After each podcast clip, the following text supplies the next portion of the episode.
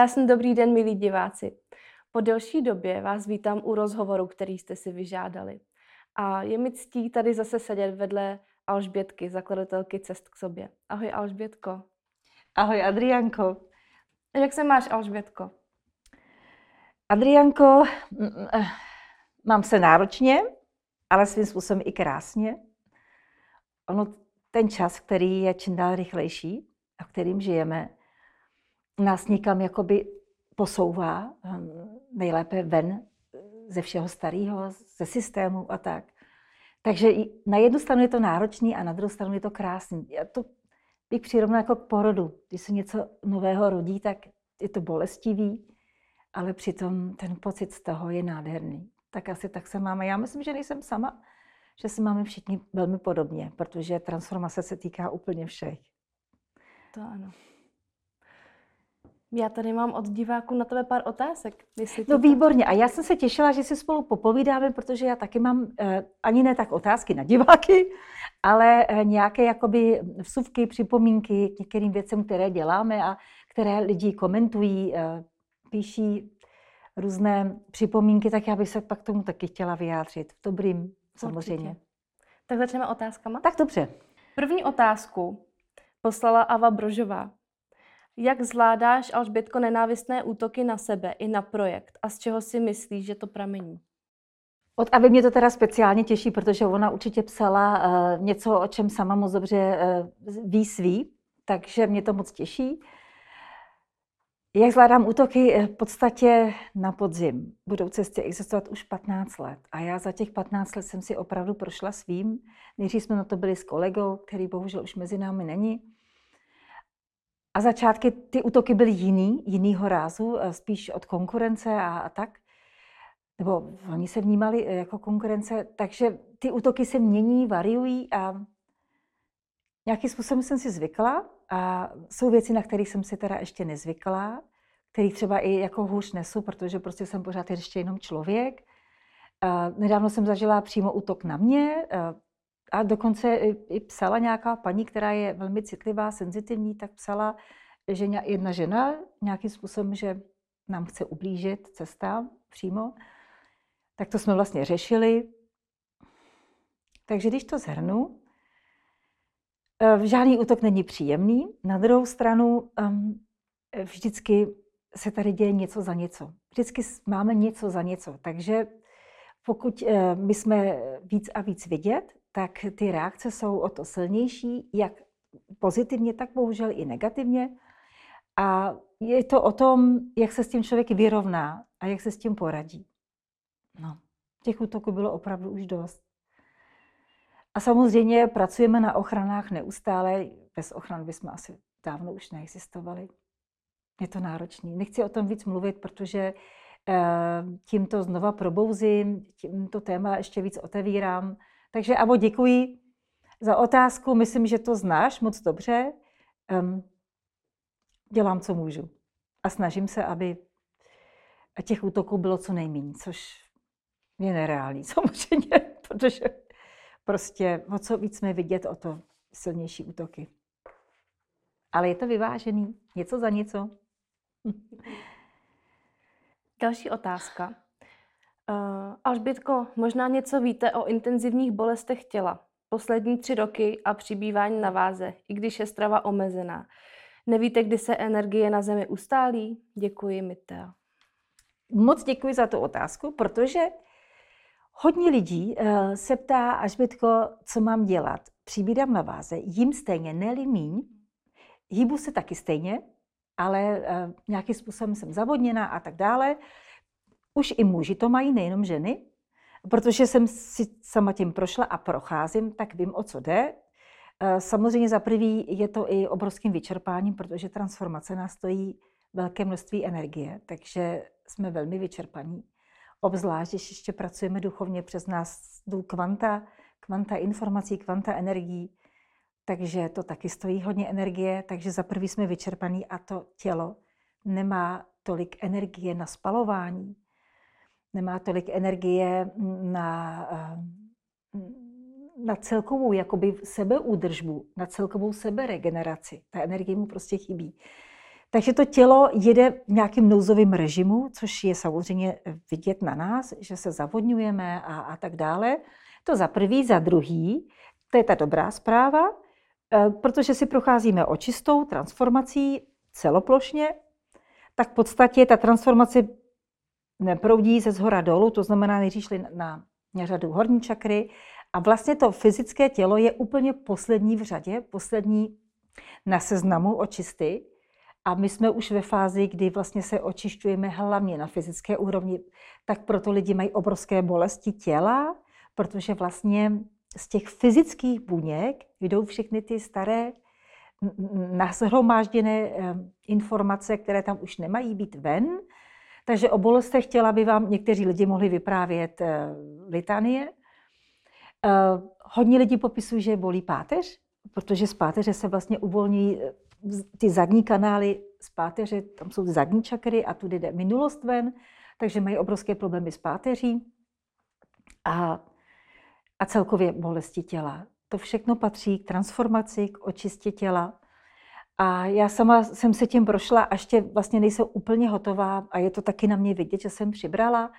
Eh, prošla jsem si všema fázema. Nejdřív jsem si říkala, bože, um, takhle já nemůžu vypadat, tak jsem tomu tělu pomáhala maximálně od akupunktury úplně vším a taky jsem byla už hodně vyčerpaná. A zjistila jsem, že mi nezbývá nic jiného, než to všechno přijmout a vydržet a být trpělivá a dovolit tomu tělu, aby se dočistilo, což je třeba pro mě je to náročný, protože já jsem bohužel docela dost vidět, relativně teda samozřejmě dost vidět, tak um, to mé vědomí s tím mělo problémy, to přijmout, že teda uh, už nemám, uh, jak se tomu říká, velikost M, už mám úplně jinou velikost směrem nahoru, to se prostě nedá nic dělat. A spousta lidí okolo mě jsou na tom stejně a hlavně nebýt na sebe zlý, přijmout to a mít se sebou obrovskou trpělivost a když se nám podaří mít se sebou soucit a lásku, tak je to přímo dokonalé. To k tomu. Dobrá zpráva, brzy to bude končit a to tělo pak automaticky zase začne nabírat svoji energii, začne generovat svoji energii a pak to všechno bude dolů. No. Alžbětko, my jsme se, mám pocit, v minulém rozhovoru spolu bavili o vyhoření. Jak si na tom teď? Adrianko, s vyhořením je to už mnohem lepší, protože už tolik nepracuju. Já jsem vlastně pracovala po nocích, Pracovali jsme po nocích, nejsem sama, těch světelných pracovníků je naštěstí hodně, je nás opravdu hodně, ale stálo to obrovské množství energie a samozřejmě to všechno s láskou a s radostí, mm, bez nějakých požadavků na odměnu. Takže um, ta energie svým způsobem, byly tam obrovský výdaje energie, ale nějakým způsobem se nevracela. Takže jednoho dne to tělo řekne, už nemůžu, prostě nemůžu eh, pracovat ve dne i v noci a kdy, kdy si odpočinu. Tak já jsem pak už ubírala, ubírala, takže teď vlastně pracuji tak, abych se nevyčerpala úplně a když cítím, že, že už je zlé, tak eh, všechno pokládám a jdu třeba ven se projít do krásné přírody nebo na kolo. To mi taky dělá moc dobře. Teď se zrovna nedávno poslouchala rozhovor s Tomášem Arsovem, to je kadeřník známý, No a ten e, přesně popisoval ten stav, že taky pracoval hodně, 18 hodin denně, neli víc. A vyhořel tak, že úplně se zhroutil a skončil na klinice a že pochopil, že si musí všechno regulovat a že je třeba být v rovnováze. To je těžké být rovnováze, když člověka zrovna ta práce baví a obzvlášť, když práce je posláním. To, to člověka baví ještě víc. Ale teď jsme v období, kdy té energie fakt není dost. Nikde. Vlastně jediná možnost na čerpání, teda pro mě aspoň, je příroda, protože všichni jsou unavení, vyčerpaní, mají své procesy, takže každý si tu energii hlídá a potřebuje pro sebe. Nemá na rozdávání, což nemáme nikdo na rozdávání energii. To je prostě realita. S tou se člověk musí smířit. Takže jsem na tom líp, ale eh, časy, kdy jsem měla energii na rozdávání, taky jsou už pryč a zase se vrátí. A myslím, že tady mluvím každému ze srdce, že? Snad už brzy. ano. A to navazuje hezky na další otázku. Dobrý den, Alžbětko. Vstoupíme do nové éry tak, jak to popisoval Petr Davídek zábleskem, nebo to vidíte jinak? A kdy odhadujete, že by to mohlo přijít? Mhm. Děkuji za vaši práci. Velmi ráda koukám na vaše videa a přeju krásný zbytek dne. Záblesky. Tak, já jsem někdy na podzim zimě slíbila divákům, že se budu více vyjadřovat k tomu, co se má dít. Pak jsem začala ale velmi rychle brzdit, protože tím, jak eh, neustále se snažíme zjistit, co se děje, co se bude dít, tak um, ty informace, které máme, tak oni se mění. Mění se, protože nahoře mění neustále strategie. A dokonce teď to vypadá tak, že sice eh, záblesky jsou už dávno naplánovány, už několik let dopředu. A dokonce už se tady zkouší. A znám spousta lidí, kteří taky si tím prošli a zažili záblesky. Takže akce by měla být úspěšná a realizovatelná, ale zrovna nedávno jsem odchytla, že přišli ještě na lepší způsob, jak pomoct lidstvu se vymanit nebo vytáhnout eh, z toho pekla, v kterým žijeme tady, čili z té zavírované 3D roviny. No a vypadá to tak, že zvolí ještě citlivější a lepší variantu, než jsou záblesky. Ono to je docela hodně náročný. A myslím si, že by eh, ty následky po záblesku eh, vůbec nebyly malý. Takže eh, když to řeknu úplně upřímně, já zatím ještě s ničím nevycházím ven, protože tím, jak se to mění a hledají lepší variantu pro lidstvo, protože tady je tolik různých úrovní lidí. Někteří jsou na tom velmi špatně, jsou ve velmi nízkých vibracích, mají velmi těžké bloky, karmické bloky. Někteří jsou na tom velmi dobře, tak pro ně by záblesk byl ideální. Prostě bylo by to krátký, rychlý, konec, nastartování se na nový život. Ale pro ty, co, kteří mají opravdu velmi těžké bloky, který, kteří jsou plní strachu, takový záblesk by byl obrovským traumatem. Já bych to ráda popsala víc, protože nějakým způsobem už jsme se tím prošli ale vypadá to, že se tady eh, ti tam nahoře přikloní k té nové, ještě lepší variantě. Brzo budu mít tady znova Gabriela na sedačce, už se na tom těším. Třeba on už bude mít taky nové informace. Čili jak se to neustále vyvíjí a mění, tak já jsem opatrná a vím, a zažila jsem si to u Gabriela, když člověk vyjde s nějakou hodně silnou informací, co se okolo toho strhne, Eh, různých komentářů, jak teda eh, velmi hezké komentáře, tak i velmi eh, drsné komentáře, až, až nenávistné. Tak jenom chci říct, že mm, jsem zatím opatrná, protože to vypadá, že to bude ještě malinko jinak, líp. Na to se moc teda těším. A bude to velmi zajímavý. A bude se to dít rozhodně letos. A vzpomínám neustále na Petra Davídka. A on toho zákulisí napovídal ještě mnohem víc a vždycky se na něj vzpomenu, říkám, jo, už rok 2023, poslední varianta a taky, že se to letos stane. A možná, že to půjde eh, sametovou cestou, sametovým způsobem. Taková sametová lidská revoluce ze 3D do 4D. A pak víš. Hmm. Já mám to úplně husí kůži, Adrianko, jak o tom mluvím. No, už se těšíme. To znamená vlastně konec veškerého pekla a uzavření hmm. minulosti. Hmm. Víte, ono to není lehký. Eh, v podstatě my už si těch různých eh, nehezkých i hezkých komentářů užíváme už jenom to, že jsme eh, médium, cesty k sobě a když já se ještě vyjádřím k nějaké situaci, tak to se umocňuje, tak určitě chápete, že jsem s informacemi opatrná právě protože to není statický, že neřeknu, bude to tak, protože to takhle je daný. Ehm, ono tím, jak se to mění, tak, eh, tak se možná dočkáme ještě lepší varianty, než je záblesk. A nebo kombinací, to taky zkouší nahoře, kombinace. Pro ti, kteří eh, jsou už na tom hodně dobře, tak na úrovni záblesku, na, na vyšších eh, frekvencích, uvidíme, necháme se překvapit.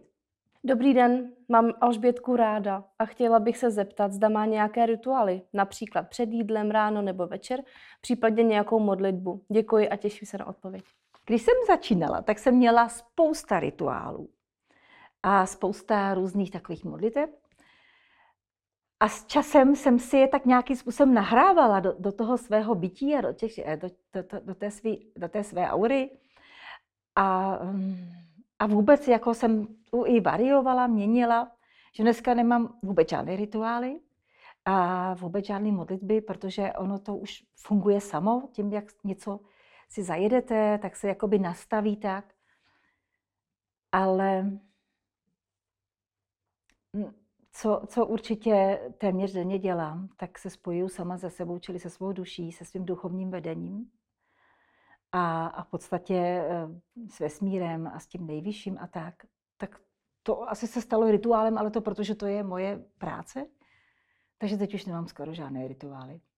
Ale chápu, kdo s tím začíná, protože je to důležitý. Ono to člověka nutí být v tom eh, přítomném okamžiku. Třeba když jí, tak poprosit předtím o jídlo, o to, aby bylo požehnaný, to je úžasná věc.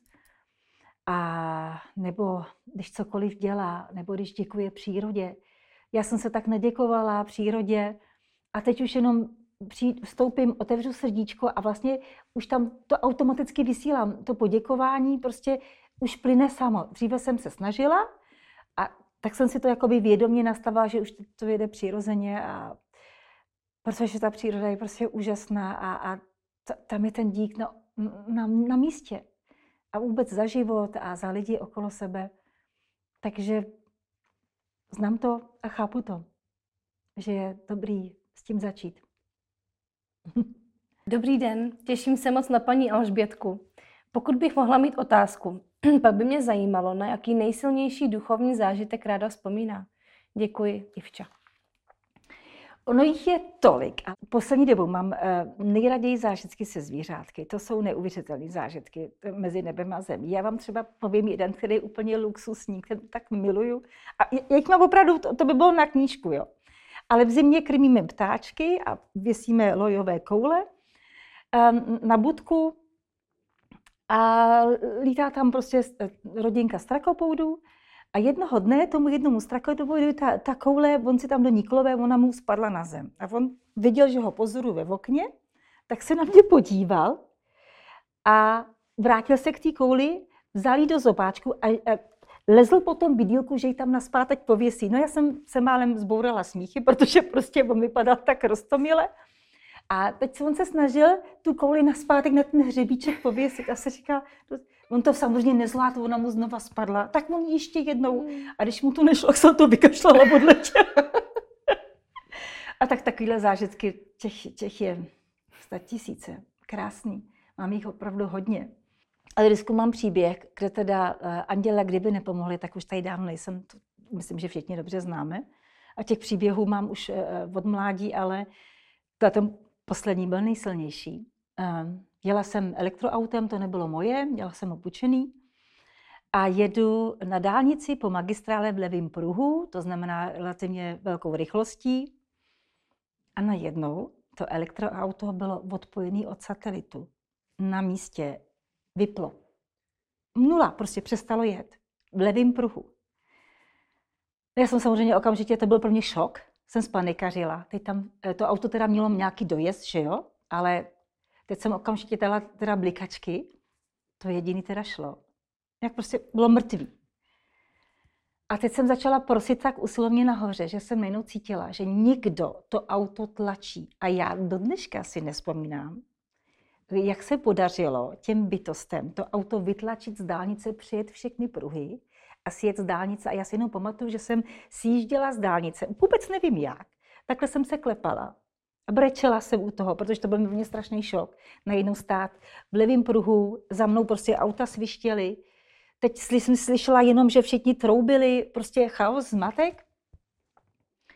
A tak najednou se vidím, jak si jíždím dolů a sjela jsem takhle dolů z té dálnice a najednou to auto naskočilo. A jenom tak jsem si to vždycky přehla na zpátek a říkám, kolik andělů mě muselo tam, že to auto není zrovna lehký, že jo tak kolik andělů, archandělů tam muselo být, eh, kteří mě z té dálnice přes všechny pruhy odtáhli ven. No, tak to byl takový jeden velmi silný zážitek. Ale přiznám se, že mm, by se už nemuseli opakovat, protože to je šok, když ti přestane jet auto uprostřed uh, rušných magistrály. No. no a když jsem se z toho zpamatovala, mm, tak jsem uh, si vlastně uvědomila, že den předtím jsme dělali jednu velmi náročnou světelnou operaci a že ta se nelíbila té druhé straně a že vlastně to byl pokus o to eh, nějakým způsobem mi pomoct ukončit inkarnaci. Naštěstí se to nepodařilo, jsem tady dál, žiju dál. A kdyby nebyli všichni ty miláčci tam nahoře, ty krásné bytosti, urozené, obrovské, silné, tak, eh, tak tady asi nejsem, protože to musela být obrovská síla. Takhle se mnou jenom... A to byl docela kousek k tomu výjezdu. A je to zvláštní, já si to vědomě moc nepamatuju. Já jenom vím, že, že vím, že bylo strašně zlé a že najednou jsem se ocitla a viděla jsem se, jak sjíždím z té dálnice dolů a pak už se to znova naskočilo, to auto. Chyt, najednou zase byl signál, to se normálně vůbec nesmí stát. Jenže ono se to prostě stalo, kde to auto odpojil od satelitu. Takže vůbec nefungovalo. Vypl elektřinu v podstatě. Tak to byl takový můj nejposlednější, nejsilnější zážitek. A doufám, že silnější nebude v tom, v tom, rozměru. Že budu moc tady v klidu dál žít. Teď už jenom... muset bojovat o život. Teď už jenom ty pozitivní, ty ano, přesně tak. Ty, co ti udělají radost. Ano. Dobrý den, velmi ráda sleduju cesty k sobě, hlavně když moderuje paní Alžbětka. Proto mám pár otázek. E, co vystudovala a kde pracovala? Já jsem šla, já jsem si to všechno tak trošičku zkomplikovala. Já jsem šla na studia do Německa, do Hanovru, to je kousek pod Hamburkem, severní Německo. A tam jsem studovala historii a germanistiku. Tenkrát mě historie moc bavila, mě baví do dneška. Nejenom proto, že se člověk může z té historie ponaučit, ale prostě bavila mě historie a taky jsem tam vlastně díky tomu otevřela i svoji vlastní historii. A germanistika, protože jsem měla poslední inkarnace v Německu, tak to samo šlo. No a v rámci toho jsem vlastně se začala probouzet, otevírat, takže jsem tam vlastně studovala ještě duchovní školu, měla jsem tam své mistry, o těch jsem ale už mnohokrát povídala. Takže všechno to nejdůležitější, nebo svým způsobem nejdůležitější část mého života se odehrávala v zahraničí. Hm. Jsme rádi, že tě máme zpátky v Česku. Já jsem se moc ráda vrátila, se přiznám. A někam už bych se nestěhovala. Máme tu krásně, vy. Hmm. Ty energie jsou tady neuvěřitelné, fakt. V čem je Česká republika tak výjimečná pro tebe? V mnoha věcech. Za prvý miliu střed, když jsou věci v rovnováze, protože čím víc na východ jeden extrém, čím víc na západ druhý extrém, aby se tady tak nějak si spokojeně žijeme v tom středu a snažíme se o to, tak to, to mi velmi vyhovuje. Já na ty extrémy moc nejsem a taky si to hlídám, i když občas do toho člověk sklouzne, ale tak to je přirozený. Za prvý, za druhý, tady obrovský duchovní potenciál. Tady jsou opravdu velmi vyspělé lidi, když takhle cestuješ různě po světě, tak si říkáš, bože, já se těším domů, tam je lidi rozumí. Tam nastavím vysoký standard, vysokou vlačku a většina lidí rozumí. A v těch, prostě, abych to řekla tak, abych nikoho neurazila, jsou místa, kde funguje ještě ten hodně starý Matrix, kde vlastně to je o náboženství, o nějaké prastaré struktuře, o, o vině, o hříchu, eh, tak eh, naštěstí tyhle hry my tady moc nehrajeme, což z toho mám obrovský, obrovský prostě je tady velký duchovní potenciál a je tady i silná energie, tak se tady cítíme dobře, jako ryby ve vodě. A když si chceme odpočinout, tak jdeme do zahraničí, kde je klid, kde se toho tolik neděje. A pak zase rychle pospícháme zpátky domů. jo, rozhodně. To rozhodně. Jakým oblastem si se věnovala a věnuješ? Eh, paní má na mysli například ezoteriku, astrologii a co tě k tomu přimělo? Já jsem si prošla úplně vším od, zač- od samého začátku, protože nejenom mě, že mě všechno bavilo, ale jsem zvědavá a chtěla jsem mít tak trošku přehled, tak jsem si prošla vším možným. A teď nějakým způsobem z toho všeho můžu čerpat a, a můžu se držet toho svého středu a taky té své cesty. Takže um, jsem spokojená. Ono je dobrý mít znalosti. Já mám ráda oba dva světy, jak ten pravohemisférový, tak ten levohemisférový. Rozum je třeba a nejlépe selský rozum je třeba. A mám ráda i ten druhý svět, ten mám teda ještě radši. Tam se cítím líp v tom pravohemisférovém světě, kde e, není čas, není omezený prostor, e, nejsou omezené informace. Je to prostě jinak. Oba dva jsou důležitý a oba dva mi vyhovují. Paní Renata se ještě ptá, jestli máš děti a, či, a jestli i oni se věnují duchovnu. Mám úžasného syna, eh, ten v tom od malička vyrůstá. V podstatě oba dva jsme mm, mm, tak nějak duchovní, když to řeknu. A tam to probíhá přirozeně, ani nemusím se o nic snažit. Je to příjemný. Máš ještě nějaký nesplněný sen, který by si chtěla sdílet? Mám. Můj největší sen je, aby byl na planetě mír. A aby trval věčně. Čili aby jsme tady žili ve světle, ne v pekle. A aby se lidi měli rádi. Jiný, jiný eh, přání a jiný sen nemám. A já věřím, že, že se toho dočkám a doufám, že ještě letos. Alespoň náznaky. Co víc si člověk může přát? Protože když máš mír a když, když je prostě láska, tak je všechno. Tak. A paní Renátka se ještě ptá, co bys poradila nebo doporučila nám divákům cest k sobě? Asi se ptá na tu situaci, která momentálně je, že je velmi náročná. Já bych doporučila jednu věc, kterou eh, ne, eh, moc rádi slyšíme, a sice být trpělivý, protože myslím si, že už to, pro nás už to trvá relativně dlouho.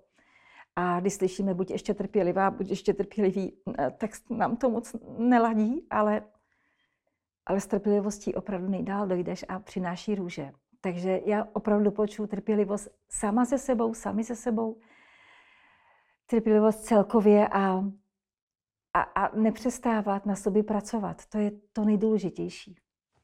Neustále, teď to člověk nemusí úplně přehánět a nemusí tím eh, otravovat celý okolí ale být v sobě, eh, zpracovávat si věci, co, co člověku na sobě vadí a, a nějakým způsobem se snažit být v rovnováze, což je nesmírně těžký. Opravdu velmi těžký. Obzvlášť, když máš rodinu a teď eh, každodenní starosti a ty si v sobě něco řešíš a říkáš si, bože, mm, eh, jak to mám všechno zvládnout. Nejlepší je si to vždycky tak nějak hezky naplánovat, přes den fungovat jako rodič, jako manželka, jako, jako partnerka a večer se věnovat sobě. Když všichni jdou spát, tak já jsem to tak dělala. Vždycky jsem večer prostě buď se věnovala sobě, co ještě chci na sobě změnit, anebo tomu, co je třeba mm, pro ostatní. Udělat si v tom nějaký řád, to je moc důležitý, protože my duchovní lidi inklinujeme chaosu jelikož nejsme tak dobře uzemnění jako lidi, co jsou více materiální, tak eh, sama jsem se to musela naučit, vždycky být dobře uzemněná a vnímat věci i z té, z té normální, každodenní perspektivy. Eh, a to je taky dobrý téma pro duchovní lidi. Um, já jsem si taky prošla opravdu všim, že ze začátku jsem všechno viděla jenom z duchovní perspektivy. Jo. Takže když někoho bolel zub, hm, tak, eh, tak už jsem tam viděla všechny možný témata, proč ho bolí, ale chybí, chyběla mi tam ta, ta rovina té totální praktičnosti, hele, budeš muset zubařit. Takže, um, a to jsem se za ty roky musela znova naučit, um, abych, uh, abych vnímala věci z té normální každodenní perspektivy, z úplně totální realistické perspektivy, ale i z těch vyšších, uh, vyšších perspektiv a dokázat to skloubit, propojovat. Uh, abych nepůsobila jako totální blázen a navíc, když třeba řídíš firmu, cesty k sobě svým způsobem jsou, když je to spolek, tak je to firma, tak eh, pořád vnímat tu realitu, každodenní realitu, co se vlastně děje eh, ve firmě mezi lidma, co se děje venku. A to je velmi těžký. Takže to taky doporučuji. Neustále eh, vnímat 3D realitu i tu vyšší realitu a nebát se to propojit, ale dávat si i velký pozor, aby člověk nebyl jenom někde ulítlý tam nahoře, anebo jenom někde zavrtaný ve hmotě. A to, to je vlastně úkol toho našeho území, na kterým žijeme. Neustálý střed, vyrovnávat střed i v tohle tom. Jak často říkáš, všechno mít rovnováze a propojené? Ano, jo. Paní Renáta ještě dodává, že ti moc děkuje a že ti přeje, a vš, uh, přeje tobě i všem, kteří se podílí na tomto vysílání všecko dobré. Že, děkuju. Paní Jana se ptá, eh, zda bys mohla prozradit něco více o sobě z duchovní roviny. Jak vnímáš své poslání duše tady na zemi? Jak sama pracuješ v jevně hmotném astrálním světě? Moc by jí zajímaly tvoje osobní zkušenosti a napojení na vesmír. Zda je to možné. Moc děkuji. Já už jsem se o tom hodněkrát zmiňovala v našich předchozích rozhovorech. Um, své poslání beru jako součást života. Je to vlastně můj život. A, a kdyby někdo mi teď to moje poslání vzal, tak bych asi umřela, protože um, ten pozemský život nějakým způsobem už jsem naplnila. Možná ne, že bych měla za sebou, ale už jsem splnila rodičovské povinnosti a snad i manželský. No a teď právě přichází období, um, takové to sklízení plodů všech těch světelných pracovníků. A kdyby teď eh, se to nemohlo konat, kdyby, se to nemohlo, kdyby jsme to nemohli zažít, nějaký vyvrcholení eh, toho, eh, o co se tady všichni snažíme, tak by z toho byla asi hodně špatná. Moc by mě to, hm, to si ani nedokážu představit. Takže každá práce, kterou vynaložíme, přece musí přinést jednou nějaké ovoce, nebo musí už během toho procesu minimálně ovoce nést.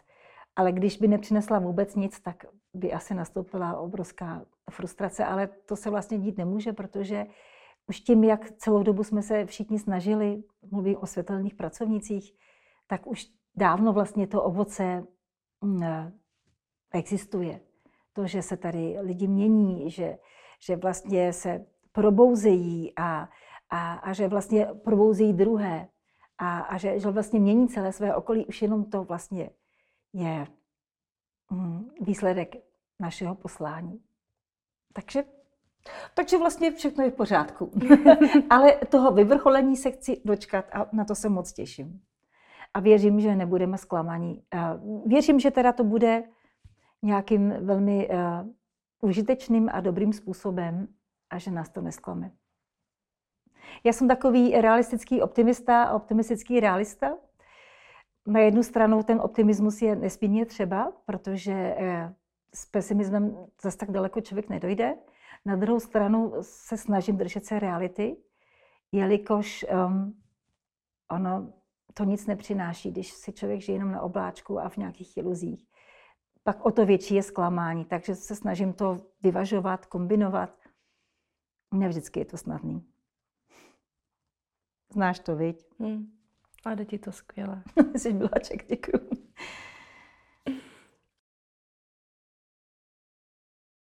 Paní Hana se ptá, kdy zase pozveš do vysílání Pavla Roška.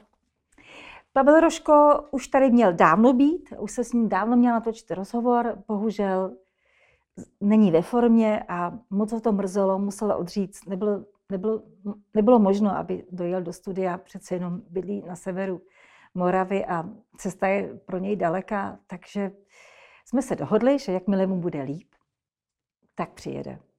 Tak mu držte palce a když tak klidně se za něj i pomodlete, protože on to určitě uvítá. Soucítíme s ním, asi jsme si s tím každý prošel. Milá Alžbětko, ráda bych se zeptala, jak se vyrovnáváte s tím, že stárnete v těle ženy. Vnímáte svou duši jako ženskou podstatu? Daniela. A to je dobrá otázka. S tím vyrovnáváním, eh, samozřejmě rozum člověku řekne, je to přirozený, stárneme, všichni stárneme.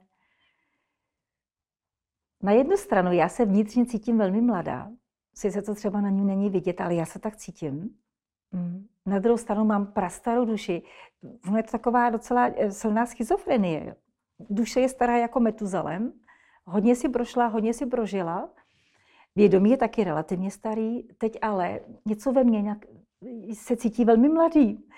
A mm, ta vnější schránka teď docela utrpěla uh, tou obrovskou transformací očistou.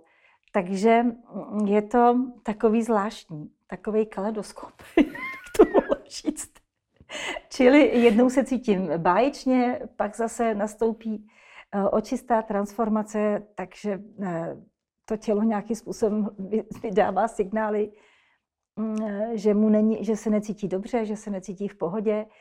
Asi je to jako na houpačce. Nicméně pro lidi, kteří jsou třeba na veřejnosti alespoň trochu vidět, to není příjemný stárnout. Na druhou stranu něco za něco, zase si uh, moudřejší, člověk, nebo člověk by měl být moudřejší. a máš zkušenosti a za to já jsem moc ráda. Já si třeba kolikrát uvědomuji, že před 20 lety bych reagovala na stejnou situaci úplně jinak, protože jsem neměla zkušenosti a neměla jsem ty vhledy. Takže se snažím vidět na tom to nejlepší. Um, asi je to každý den trošku jinak, podle toho, jak jsme naladěni, co se děje s námi. Ale říkám, mám to takový zvláštní. Něco ve mně je prastarýho a něco zase mladýho. To zvláštní kombinace. Asi to máme všichni takto. Že jo? Vybudovala jsi třeba postupem času nadhled na určitý situace? Určitě musíš. To jinak nejde.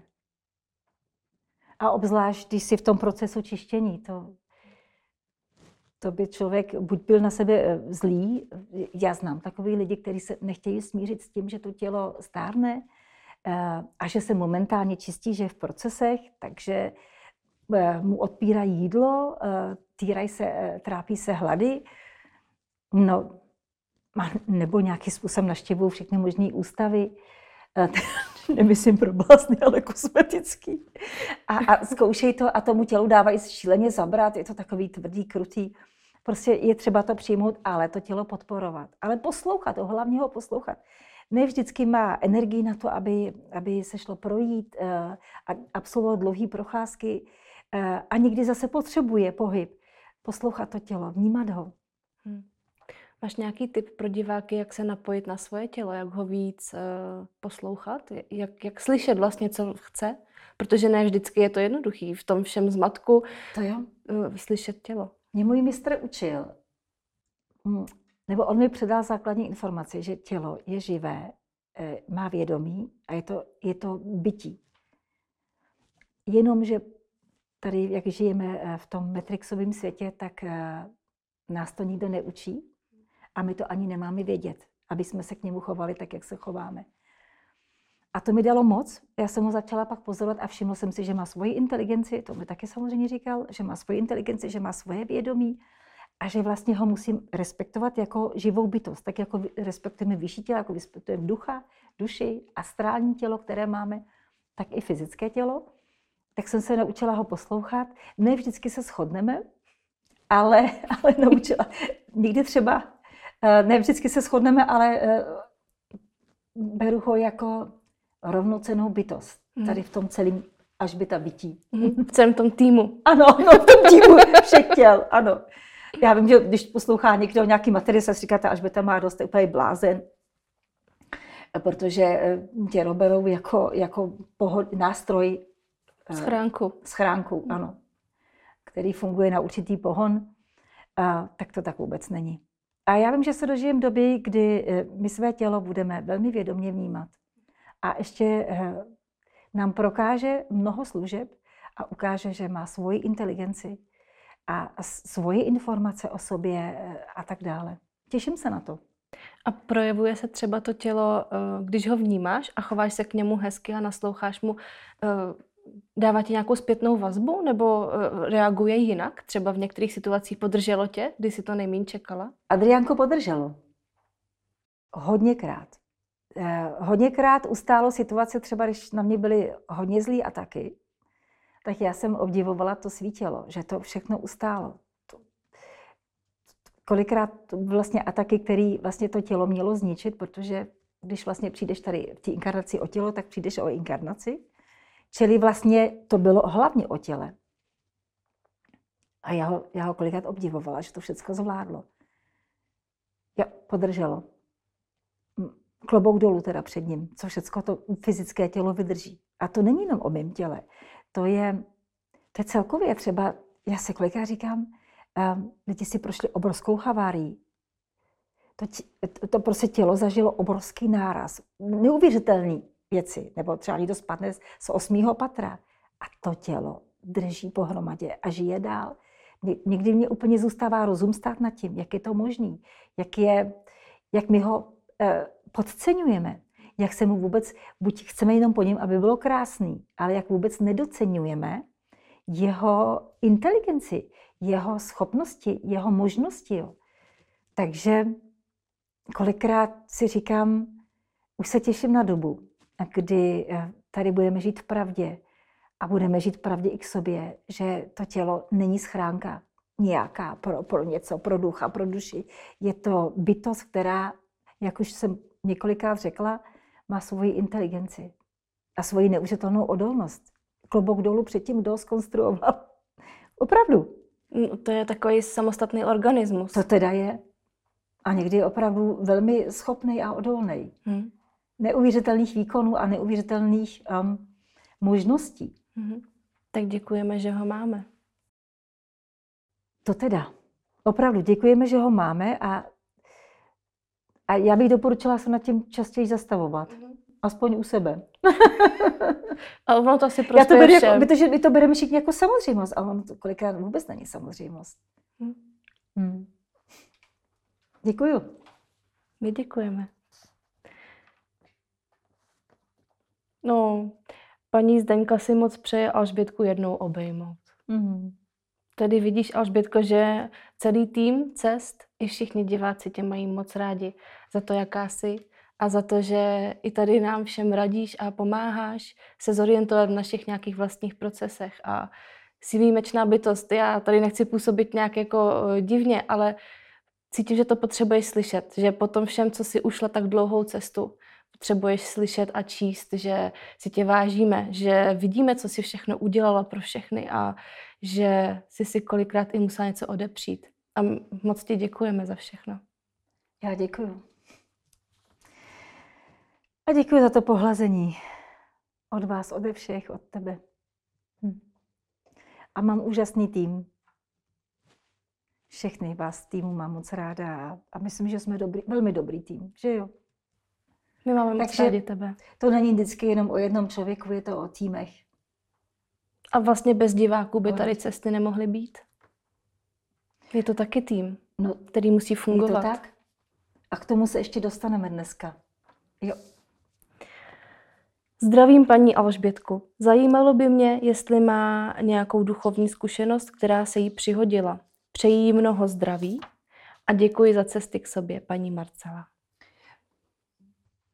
V podstatě už jsem se dneska vyjádřila, těch duchovních zkušeností je opravdu hodně. Jak jsem slíbila, že někdy o tom napíšu knihu, nebo já nevím, nebo prostě příští, příště zase pokračuju, jo? Určitě.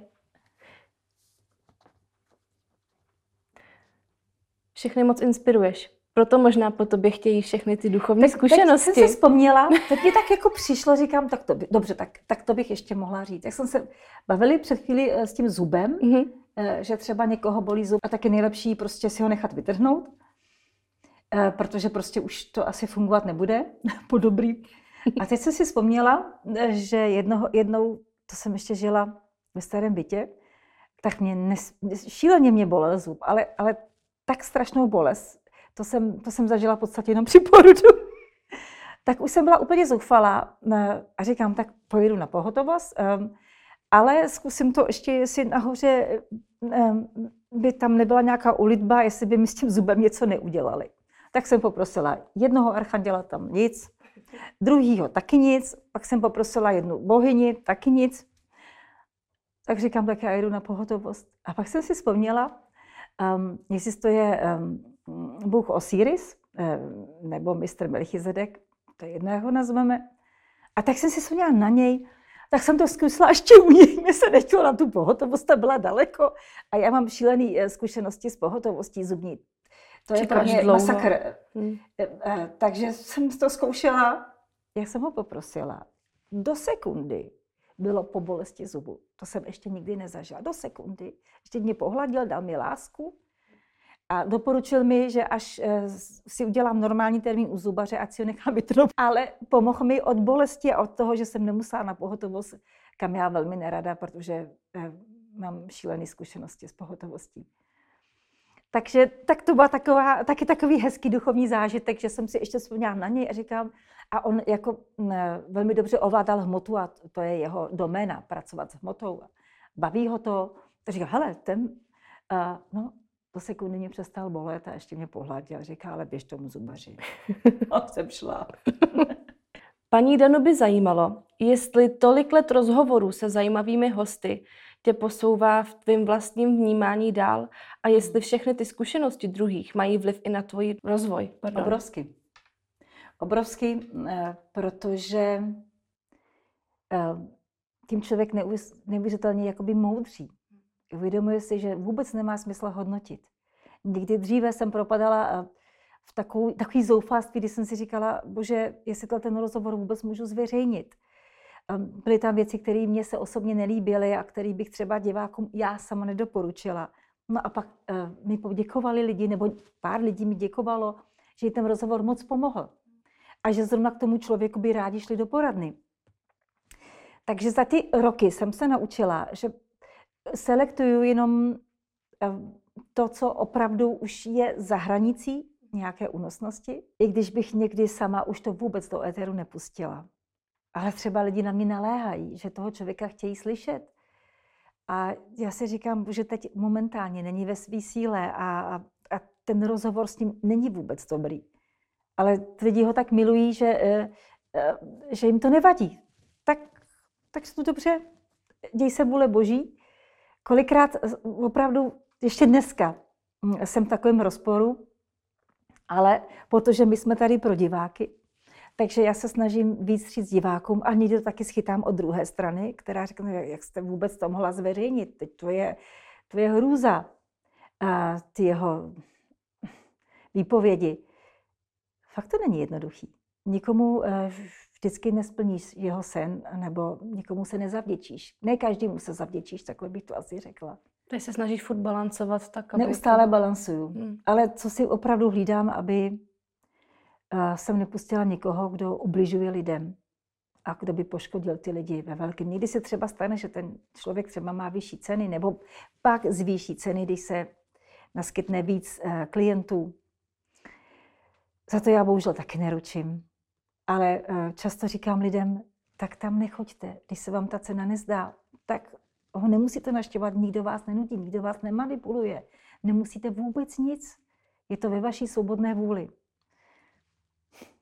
Tak asi takhle. Hm.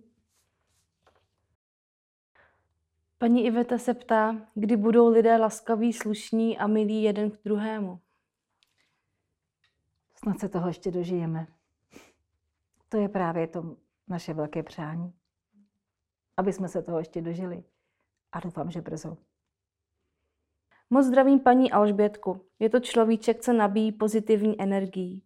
Mám ráda její rozhovory, vždy si je ráda pustím. A chtěla bych se zeptat, jak se dostala k duchovní cestě, jestli jí to už táhlo od malička. Nějaké její zážitky a zkušenosti, které ji dovedly až sem. Hrozně mi připomíná princeznu Dianu, taky je královna lidských a duchovních srdcí. PS, pozdravujte maminku, ve videu ze Silvestra jsem se hrozně nasmála a určitě mi to prodloužilo kus života. Paní Deniska. To má velkou radost. Eh, teď se, teď se myslím nad, nad mou maminkou. Bohužel během covidu eh, vážně onemocněla covidem a bojovala se životem. Naštěstí eh, se jí podařilo zachránit a je tady stále, naštěstí, ale mm, jak někteří mají tu zkušenost, chybí energie a ta rekonvalescence po té velké covidové ráně je dlouhá, takže maminka ještě moc nemá energii eh, pokračovat s humorem. Jak sama říká, došel, humor už došel. Ale já věřím tomu, že, že, že ještě nějaký humor spolu natočíme a že se z toho zase zpamatuje. No a ta otázka předtím, myslím, že posledních dvou povídání jsme se o tom bavili, jak jsem vlastně šla na duchovní cestu a docela jsem tam toho hodně vyprávěla, tak já bych se neopakovala, jestli to nevadí. Určitě. Milá Alžbětko, dokážete mi říci, proč každý den vidím kombinaci 11-11, 11-1, několikrát v roce i 11-11, 11-11. Dohledávala jsem si na internetu informace, ale chtěla bych to slyšet od vás. Děkuji za vaši vytrvalost v boji za lepší duchovní budoucnost. Paní Emília. Taky děkuju. Já mám jedenáctku na jednu stranu velmi ráda, protože je to, já ji říkám, eh, číslo meče. Meč, který eh, něco starého přetne, ukončí. A je to taky číslo Archanděla Michaela. A většinou ten zatím je, zatím ten závan Archanděla Michaela tam opravdu je. Čili jedináctka, nebo jednička jako taková je nejenom začátek, nejenom počáteční energie, nejenom sebeprosazení, ale taky, eh, čili začátek, ale si způsobem i konec. Ukončení něčeho starého, utnutí něčeho. Možná vám to chce říct, abyste něco urychlila, něco, co vás dlouho trápí, nebo co nemůžete dořešit, vyřešit, abyste ukončila, nebo aspoň našla způsob, jak to, jak to vyřešit, jak to ukončit. Jak se s tím vypořádat. A může to být něco osobního v sobě. Nějaké staré programy, mechanismy, které prostě už nevyhovují. Vám i celému vašemu okolí. Každopádně je to výzva. Jedenáctka je vždycky výzva a takhle silná výzva je udělej to už konečně. Tak držím palce. Paní Miroslava píše, nejprve moc zdravím Alžbětku. Jak prosím vnímáte současné energie, jak na úrovni fyzické i duchovní? Máte prosím i nějaká upozornění, kterým se máme vyhnout? A bude někdy opět rozhovor s naším milým doktorem Štefanem? Děkuji a přeji hezký den. Dobrá zpráva. Eh, s Mikulášem jsme měli nedávno rozhovor, takže já bych typla někde na konci června vyjde. Tak brzo bude teda na cestách. To je dobrá zpráva. A další dobrá zpráva je, že současně energie, o tom jsme se bavili v podstatě, že jsme stále v transformaci a ona víc a víc vrcholí. Čemu se máme vyhnout?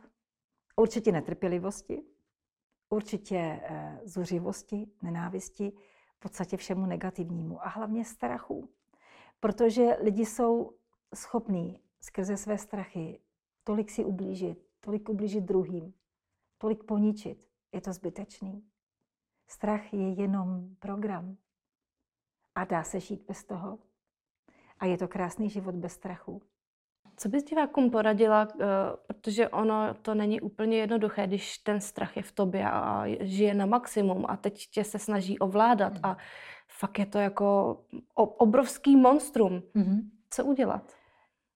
Jedna moje, eh, tři, tři, tři způsoby, jak se s tím vyrovnat. Jedna moje mistrně, ta nás učila, když nás to ovládne, tak se odezdat a nechat to sebou projít.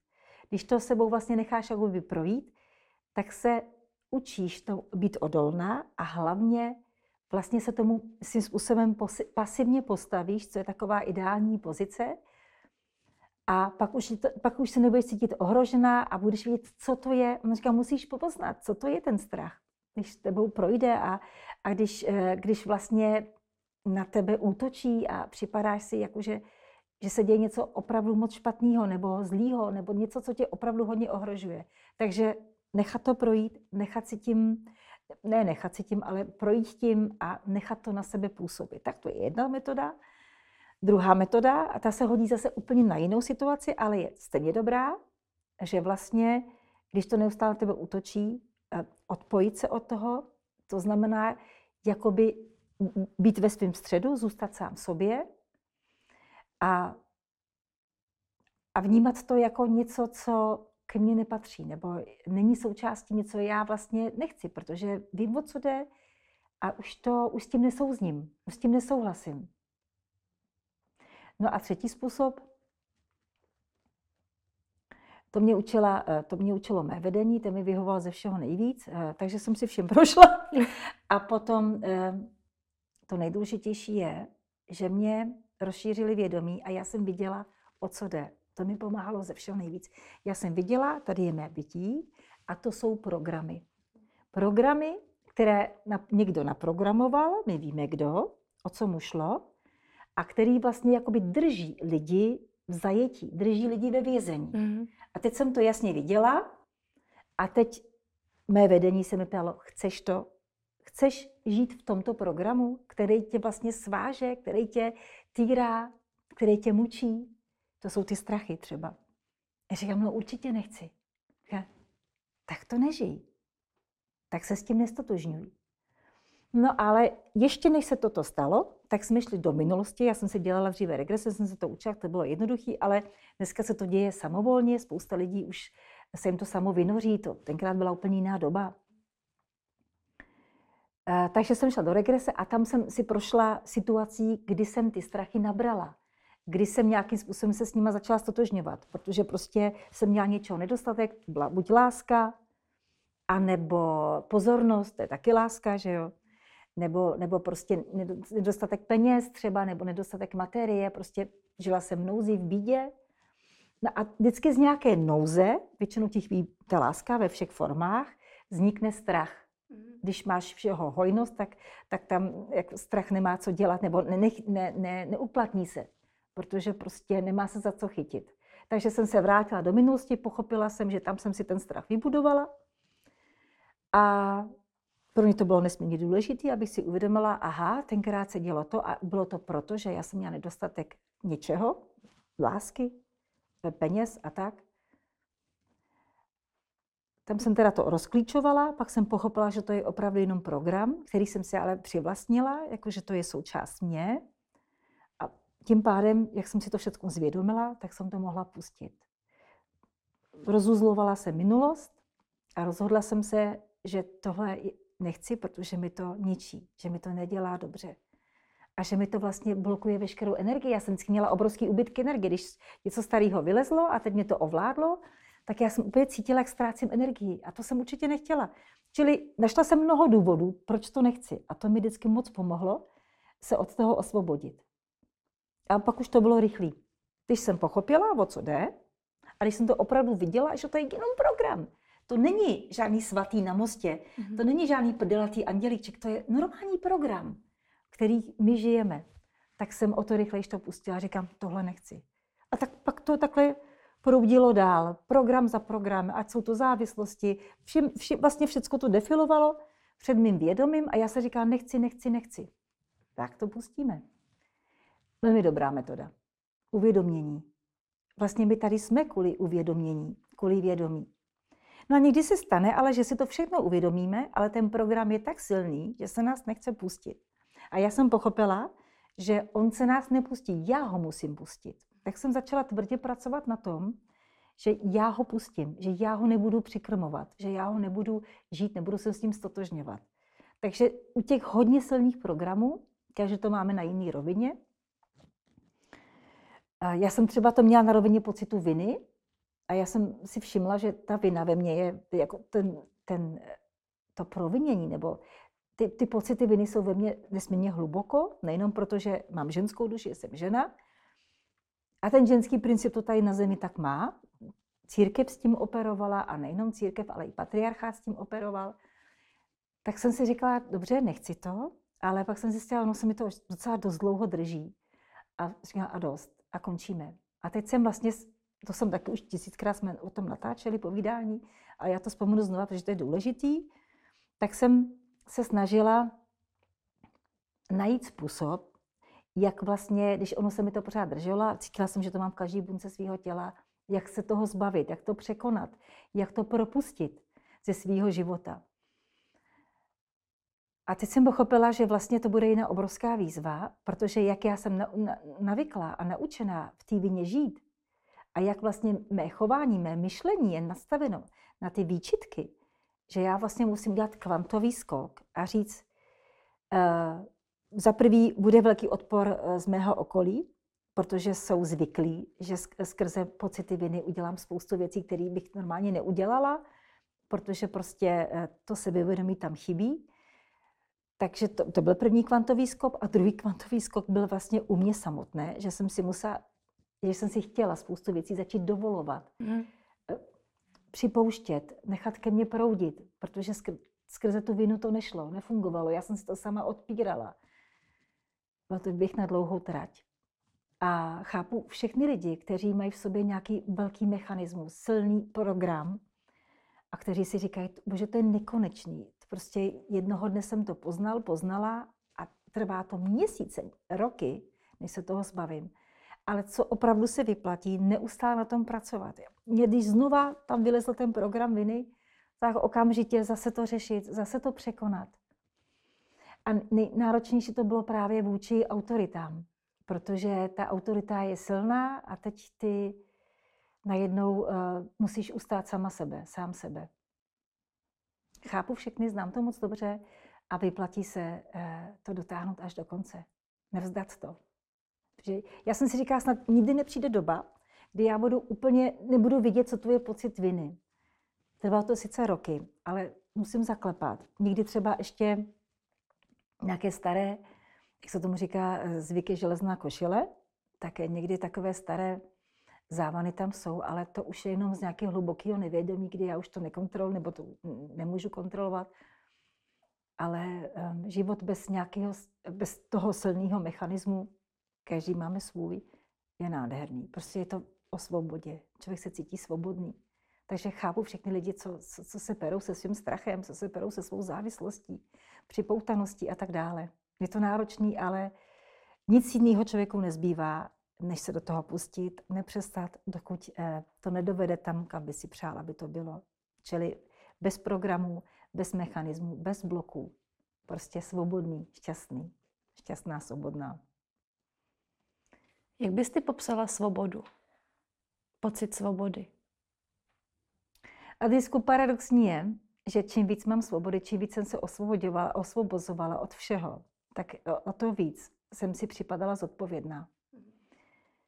Takže ta svoboda pro mě byla vykoupaná obrovskou zodpovědností, protože dříve, když jsem byla závislá na mnoha věcech, jako na svých rodičích, a nebo, a, nebo na systému, tak neřešíš vůbec odpovědnost. Prostě si jenom nějakým způsobem si snažíš užívat život. Ale jakmile se probudíš a najednou zjistíš, že můžeš mnohem víc a že jsi velmi svobodná, tak na druhou stranu a zase si uvědomíš, že každý svobodný čin má, má svoji cenu. A že si uvědomuješ i to, že třeba když uděláš něco, co je e, pro tebe nebo pro druhé důležitý, nebo prostě jakýkoliv, svobodné, jakýkoliv svobodný rozhodnutí, tak musíš u toho být velmi zodpovědná. Že každá akce má svoji reakci a ty Přesně to tak. jsi schopná pak už vidět, Přesně tak. co bude následovat. Jo, ano. Něco za něco. Tady na zemi je všechno něco za něco. Vždycky to tak je. Takže o co si svobodnější, o to si zodpovědnější. Ale já bych to nevrátila. Už bych nechtěla být určitě tou starou Ažbetou. A určitě bych to nevrátila. Vlastně se tomu říká žít vědomě. Ty ano, vědomě ano, vidíš, ano. co se děje.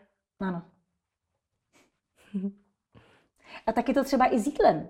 Mm-hmm. Když víš, eh, co, vlastně, co ty potraviny obsahují, jak pro tělo fungují, tak je nesmírně těžký prostě dělat, že uh, třeba jít do mekáče a tam se přejíst jídlem, který má nulovou energii pro to tělo a dokonce minusovou. Že ty připálený tuky a houska, která uh, je v podstatě v minusu energeticky. A teď ty víš, že to tomu tělu nejenom nic nedá, ale že mu to ještě ublíží. Jo. Tak tím to třeba začíná, že, že takovéhle věci si nechceš dovolit, protože víš, že prostě tomu tělu ublížíš. A tak je to úplně ze vším. V podstatě. Zažila jsi někdy ten pocit, že ty už víš, že to je špatně, ale to, to tělo tě nutí, nebo je to tak silný, že, že, že ty stejně jdeš a nechováš se vědomě, ale něco jedná za tebe. Co to vlastně jako je? Jo, tak to taky všichni možná moc dobře známe, když jsme u toho jídla, takže třeba ty víš, že eh, když sníš tu potravinu, třeba něco sladkého, eh, eh, třeba upečenou nějakou sušenku z bílé mouky, která s bílým cukrem, s palmovými tukama, který, která prostě je na, na mínusu téměř. A tvý tělo, to znamená nějaký program v tobě, mm-hmm. nějaký nevyřešený program v tobě, to chce. Tak já si vždycky říkám, dobře, chápu, že teď jsi sladký, tak mu dám něco zdravějšího, sladkého, mm-hmm. ale říkám, ale brzo se na tebe podívám, podívám se na tebe hned a kdo to tam ve mně je, že ještě ho nezajímá, že to tělo potřebuje něco kvalitního. Mm-hmm. Tak se mu začínám dívat na zoubek. Takže já v podstatě už vůbec nejím bílou mouku, takovéhle věci. Bílý pečivo, bílý rohlík, nevím, nevím, kdy jsem naposled měla v ruce, to je všechno nulový, nulo, nulová potravina, která v podstatě jenom to tělo ucpe a takových potravin je spousty. Takže jak jsi říkala... Když se bavíme teda o jídle, ono by se dalo bavit o čemkoliv, mm-hmm. že vlastně ta svoboda a zodpovědnost, ale moc dobře ti rozumím a znám to, že když máme v sobě vědomí, už je hodně daleko, ale v nás je něco ještě starého, nevyřešeného a teď si to volá e, o, o to svý, jak říká někdo, že prasí, jo. Třeba zavolá kamarádka, dneska jsem celý večer prasila, jo. jo. Takový, takový ošklivý věci jsem jedla. A říkám, ale odpustit to, a, a, a dovol tomu, a to zase rychle vyjdeme. jo, chápu to. Chápu to.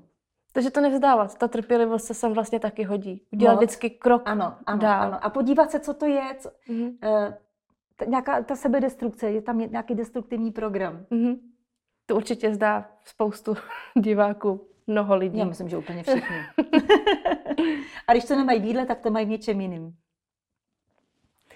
A máme tady poslední dotaz od paní Ivanky. Dobrý den, Alžbětko. V minulém rozhovoru po vaší nemoci jste se zmiňovala, že máte nějaké informace ohledně současné doby a především, co nás čeká do budoucna. Moc děkuji a všem přeji hodně lásky do budoucích dnů. O tom jsme se vlastně bavili už na začátku. Prostě držme palce, ať to letos dobře dopadne. Ať si zase neprojdem zklamáním jako 2012. To pro nás bylo obrovské zklamání. Já jsem pochopila, proč to tak bylo. Chápala jsem jejich politiku nahoře. Ale um, já věřím tomu, že ten osud planety konečně se naplní. Ten lepší osud planety, ten dobrý osud planety se konečně naplní. A když ne, tak, um, tak bude muset pokračovat dál. Uvidíme. Určitě budu mluvit za spoustu diváků, že se moc těšíme, až tě uvidíme zase častěji na, obrazova, na obrazovce. Nejen jako skvělou moderátorku, ale i jako hosta. Já moc děkuji. Děkuji divákům, že nás podporujete, protože bez vaší podpory my bychom opravdu neexistovali. A nebo bychom museli být komerční. A to bych velmi nerada. Tam právě člověk ztrácí tu svobodu, o které jsme se bavili, protože uh, musíš se podřizovat věcem, který to se nelíbí a který by si vůbec normálně v životě ani uh, nežila, ne, nepustila by se do života. Prostě být komerční znamená žít právě v tom konzumu a, a podřizovat se konzumu. A to já velmi nerada. Prostě bylo by to o ztrátě, částečné ztrátě svobody. Prostě mám to tak nastavit, takže moc děkujeme, že nás podporujete. V poslední době, obzvlášť po prezidentských volbách, mě psali diváci, že by byli moc rádi, kdybychom se trochu, aspoň trochu, začali angažovat v tom reálném každodenním životě. Že prostě neustále to duchovno je oddělováno od toho každodenního života. A že jim vadí, že jsme i dost pasivní, že prostě jenom se povídá o hezkých věcech a o duchovních věcech, ale že ta současná vláda, která, která momentálně ovládá naše životy a, a rozhoduje o tom, jestli máme být šťastní nebo ne a jestli finančně vůbec zvládneme svůj život nebo ne, že to je k nevydržení a že by byli rádi, že kdy, kdyby jsme my taky projevili trochu zájmu, trochu iniciativy a podpořili svým způsobem i otisk toho duchovna ve hmotě nebo v té realitě. Mm-hmm. Čili kdyby jsme se aspoň trochu angažovali v situaci, která je opravdu velmi náročná, protože spousta lidí vůbec není spokojeno, jakou máme vládu a co, co za šílené věci dělá s tímhle státem, s lidma. A že se jim nelíbí, že to takhle jako je oddělený duchovno od, od reálného života. Tak jsem o tom hodně přemýšlela. Vlastně už od podzima, myslím, že pár lidí takhle mi psalo, jsem o tom hodně přemýšlela a řekla jsem si, na jednu stranu mají pravdu, na druhou stranu um, já se v politice moc neangažuju a um, to není prostě moje parketa, ale chápu to a mně samotné se to nelíbí, co se tady děje. A myslím, že bychom se měli opravdu spojit a nějakým způsobem táhnout za jeden pro vás. Tak jsem pustila do studia člověka, který se snaží, není dokonalý, ale to nejsme nikdo, ale který se alespoň snaží, mluvím o Jindřichovi Reichlovi, který se snaží nějakým způsobem dát najevo skrze demonstrace, že tohle takhle s námi ne. Já vím, že to jde jinými způsoby že to jde i duchovním způsobem, ale to nefunguje. Prostě lidi musí do ulic a říct, my nejsme spokojení, my to takhle nechceme, my s tím nesouhlasíme, co, co, co vy tady teď provádíte s našimi životy. Takže proto jsem pustila Jindřicha Reichla na rozhovory. Já s ním rozhovor nemám, protože do toho tak nevidím a protože to není moje parketa.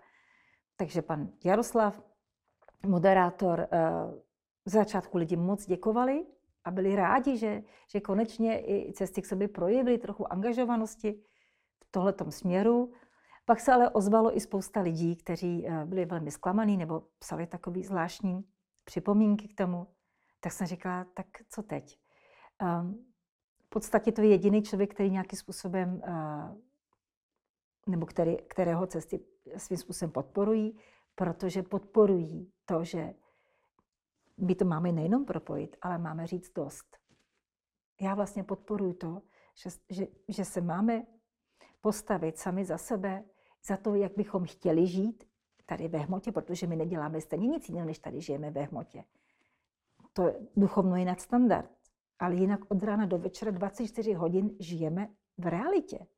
Tak proč bychom neřekli dost? Proč bychom neřekli, nevyjádřili nespokojenost tím, že jsme svobodné bytosti a my takhle nechceme žít. Takže jsem to nějakým způsobem podpořila a někteří lidi komentují, že, že má spoustu chyb. Hm? Ale máme všichni. A on tam nikdo lepší není. Kdyby byl lepší, podpořím lepšího.